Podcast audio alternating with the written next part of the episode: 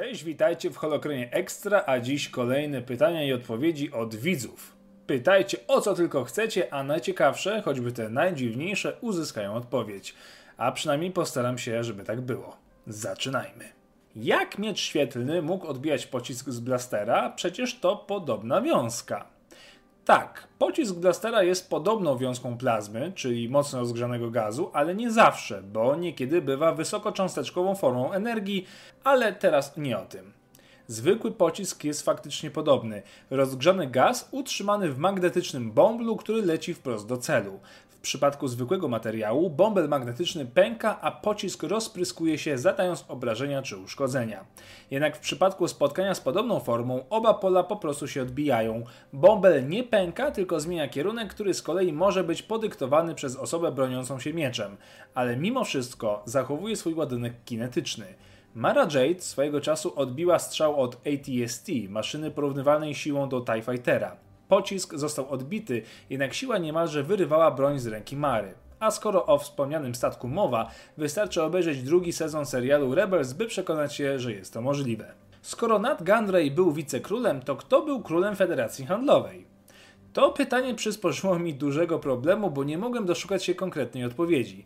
Nat Gunray był absolutnym przywódcą Federacji Handlowej, mimo iż zasiadał przy okazji w innych radach i wewnętrznych kręgach, ale nazewnictwo wicekról jako samo w sobie wydaje się mieć w świecie Gwiezdnych Wojen znamiona osoby na najwyższym szczeblu.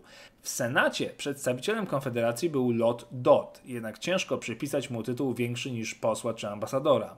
Oficjalne strony na temat Gwiezdnych Wojen stwierdzają po prostu, iż wicekról to przywódca Konfederacji Handlowej. I tyle. Jak dla mnie, to też trochę dziwna odpowiedź. Czy każdy użytkownik ciemnej strony mocy to Sith? Absolutnie nie. Użytkownik ciemnej strony mocy to ktoś, kto po prostu poznał inną stronę wykorzystywania mocy. Wiedźmom z Datomiry daleko do Sithów, a jednak były potężne w ciemnej stronie. Niektórzy upadli Jedi także korzystają z podszeptów ciemnej strony, ale przecież nie określają się mianem Sithów. Bycie Sithem to wyższa szkoła jazdy, nie tylko w zakresie przestrzegania zasady dwóch, o której też był odcinek, ale generalnie chęci zdobycia władzy i kształcenia się w arkanach pradawnej magii Sithów. Porównywać użytkownika ciemnej strony do Sifa to jak równać granie na marakasach do gry na skrzypcach. Niby muzyka, ale wiecie o co chodzi. Dlaczego Miss Jedi mógł mieć tylko jednego padawana? Nie musiał mieć jednego, wszystko zależało od okresu, do którego się odnosimy. W początkach zakonu Jedi mistrzowie mogli mieć kilku, a nawet kilkunastu padawanów. Ponadto uczyli ich w swoich prywatnych przybytkach bez kontroli Rady Jedi. W pewnym momencie, podczas Wielkiej Wojny Sithów, Rada podjęła decyzję, że każdy rycerz oraz mistrz może mieć tylko jednego ucznia. Czy w świecie Gwiezdnych Wojen były wampiry i zombie? Trochę szalone pytanie, ale o dziwo mam odpowiedź i to w miarę konkretną. Pomijmy na chwilę konserwatywną definicję wampira rodem z powieści Stokera i skupmy się na istotach żywiących się innymi.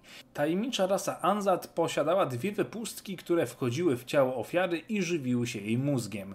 Może nie jest to rasowy wampir, ale jest blisko. A co do zombie, magia Sith potrafiła wskrzeszać zmarłych do życia jako bezmyślnych niewolników, ale to nie wszystko. W książce Szturmowcy Śmierci poznacie typowe zombiaki zarażone wirusem, który przekształcił je w bezmyślne potwory. Samej lektury jednak szczerze nie polecam.